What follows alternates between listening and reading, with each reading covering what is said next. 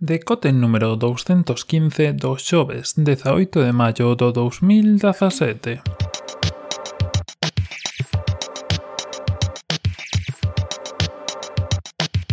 Bos días e benvidos a esta nova edición do Decote que vai ser un monográfico sobre todo o que se presentou onte no Google I.O. que como sabedes son as charlas que ten Google para bueno, informar aos desarrolladores e ao público en xeral dunha forma moi similar ao que fixou Microsoft coas súas charlas a semana pasada e do que fará Apple coas súas charlas no Worldwide Developer Conference do mes que ven, de principios de xuño, pois un pouco para informar que cambios veñen nas súas plataformas, que o que se prevé nos próximos meses ou incluso as cousas que van sair agora de inmediato. Así que hoxe pois vai ser un pouco un resumo de todo o que se presentou, Como sempre, tedes mogollón de enlaces que ainda estou depurando nestos momentos na descripción, onde vos contan un pouco máis polo miúdo e meténdose máis en chicha, incluído algún vídeo resumo de Devers, por exemplo, que fixe un resumo en 10 minutos de todo o que presentou na conferencia de 2 horas, onde, pois, se vos apetece, podedes ver en 10 minutiños o que foi a conferencia con mogollón de xente de por medio en inglés, claro, que no idioma que foi. Pero se non, pois tamén tedes a opción destos 10 minutiños ben gastados cun resumo que vos traigo agora das cousas máis importantes. Empezando por cousas importantes, Google Lens, que é unha nova tecnoloxía en da que non sei por qué en todas as novas que lin ninguén se acorda, ninguén se lembra das Google Googles, non sei vos vos lembrades, pero as Google Googles eran pois eu creo que viña como aplicación que permitía apuntando a algún sitio pois que che dese información sobre ese sitio, pois eh, creo que incluía cadros, edificios e algunha cousa máis.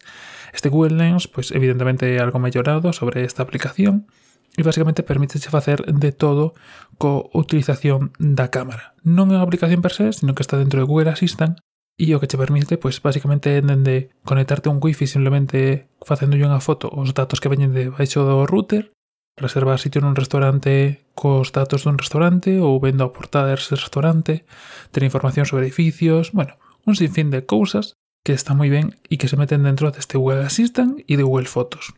Eu creo que esta quizá non é a máis importante, pero é unha das cousas máis importantes e unha das que coas que comenzaron esta presentación, que son este Google Lens, como os digo, métense dentro de, de moitas outros sitios. Despois, pois evidentemente este Google Lens vai dentro de Google Assistant, que como sabedes é o asistente de Google, esa inteligencia que recolle os datos de todos os sitios de Google, de todos os, bueno, multas múltiples aplicacións que ten Google, como Gmail, como fotos, como calendar, como contactos, e asunta e as pon a ti. Por exemplo, cando ve que tes eh, un bo en Gmail,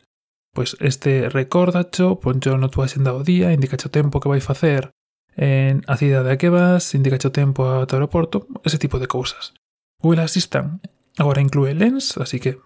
tratando con el, que pois como un Siri, como un Alexa, un asistente que inclúe voz, pois a través da cámara pois podes comunicarlles novos comandos, novas formas, novas cousas que facer. Este asistente chega a iPhone, chega, se si non me equivoco, de forma inmediata, o que pasa é que, de momento, Como a maioría de cousas que presentou Google onte están só en inglés e algunhas delas que falaremos no seu momento pois chegarán en español a final de ano. Así que bueno, de momento, pois se si vos mola moito, se queres probarlo, podes facelo en, en inglés, pero si non, de momento por aquí temos que agardar a que chegue a versión en castelán. Como os digo, Google Assistant, que o asistente de Google chegará a iPhone e ademais eh, anunciaron que sacarán un SDK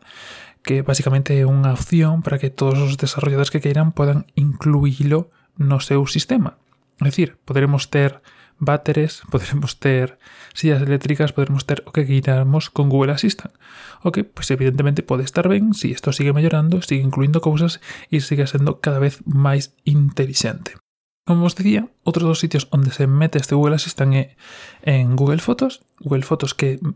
si non o coñecedes, é un servicio de Google que te permite subir todas as fotos que queiras de forma gratuita e abstrata e ten como unha inteligencia artificial que permite facer recopilatorios de fotos de imaxes, faiche pois pequenos vídeos, faiche collage, faiche mogollón de cousas. Este Google Fotos, que por si sí está bastante ben, inclúe tres melloras ou vais a cair con tres melloras próximamente. Estas tres melloras son compartir imaxes, ata agora non se podía compartir, ou moita xente, o que venderon na presentación,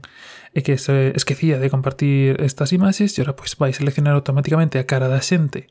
e as imaxes que se parecen máis relevantes e pois dicirte, avisarte de que as compartas con eles. Ademais de isto, inclúe eh, librerías compartidas para que as coidas compartir pois, coa familia ou coa xente, é dicir, certas librerías, pois aquelas, por exemplo, nas que saen as fotos dos teus fillos ou así, que as podes compartir coa túa muller si tedes muller, eh, que fai gasto automáticamente, así que cada vez que subes unha foto do teu fillo, pois pues, automáticamente a comparte coa túa muller. Bastante interesante. E por último, os libros de fotos, que é unha das cousas que eu sigo alucinando con que siga saindo, e basicamente, eh, pois pues eso,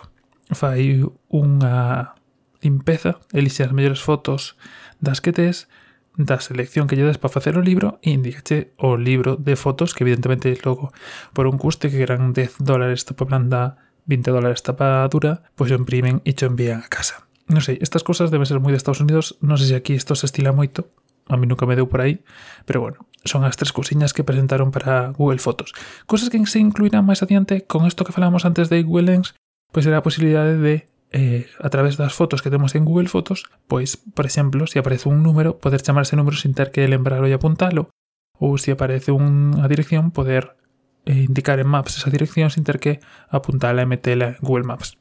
Pequenos detalles, pequenas cousiñas que irán introducindo isto, de Google Fotos aínda non ahora, chegará nun futuro e, e bueno, non está mal, son pequenas melloras con a través de, de Google Lens.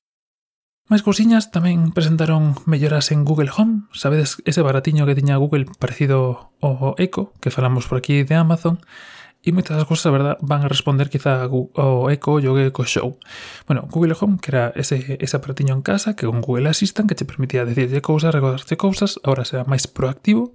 Por exemplo, no caso de que haxa un bo que se retrase, pois pues este iluminarase para que ti lle preguntes que, que está pasando e el dirá checo vos se retrasou, así que podes ir un pouco máis tarde de casa. Básicamente, eso, que estará funcionando en segundo plano para indicarse a ti cousas que precise saber antes de que ti sequera teñas que pedirlles ou preguntarlles. Bastante interesante, bastante ben. E ademais desto, a que pode ser resposta a ese eco show é o tema das respostas visuais. Para isto, en vez de sacar un novo Google Home cunha pantalla, o que fixeron é utilizar os dispositivos conectados para enviar cousas, para enviar respostas visuais. Así, por exemplo, se si lle dices que queres ver unha serie, Este mostrará serena tele, si queres decir unhas direccións, estes enviarachas ao móvil e así pois, con un sinfín de ordes, polo que evita ter unha pantalla intermedia e simplemente o que fai utilizar as pantallas que sen a, a súa disposición, que está bastante ben, está moi pensado,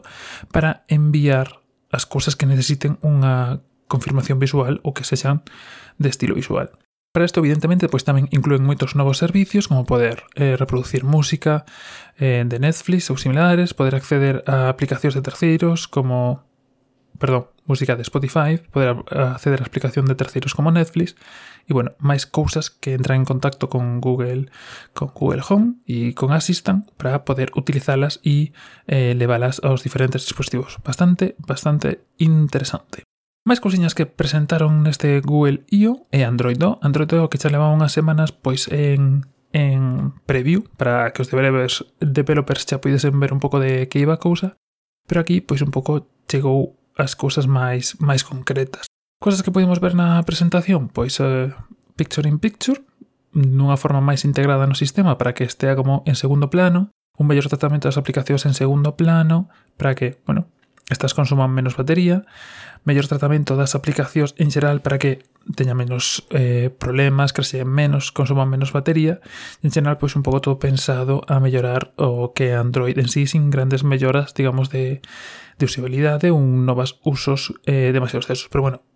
acaba de sair, saía onte a primeira versión en beta para que o proíben o dos o propen os desarrolladores e todavía, pois evidentemente non sabemos se si vai o ser o de Oreo ou de que vai ser. Tamén Outra cousa que se presentou foi Android Go, que é unha no, non é unha nova versión, pero unha versión, digamos, a partir deste, deste Android O pesada para terminais de baixa capacidade, é dicir, para terminais con un xigada de RAM ou menos, que basicamente o que fai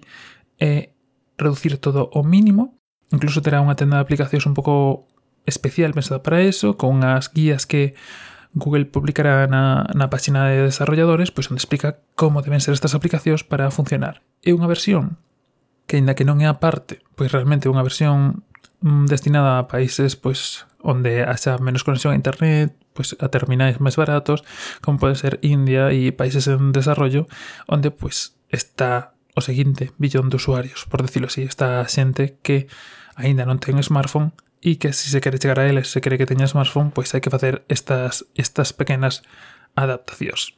Ademais desto, pois tamén falaron de Kotlin, que isto é unha nota parte dun nova linguaxe de programación, nada que ver co Swift de Apple, pero que, bueno, pretenden que se empece a utilizar para facer os seus desarrollos de aplicación en Android con Android Studio,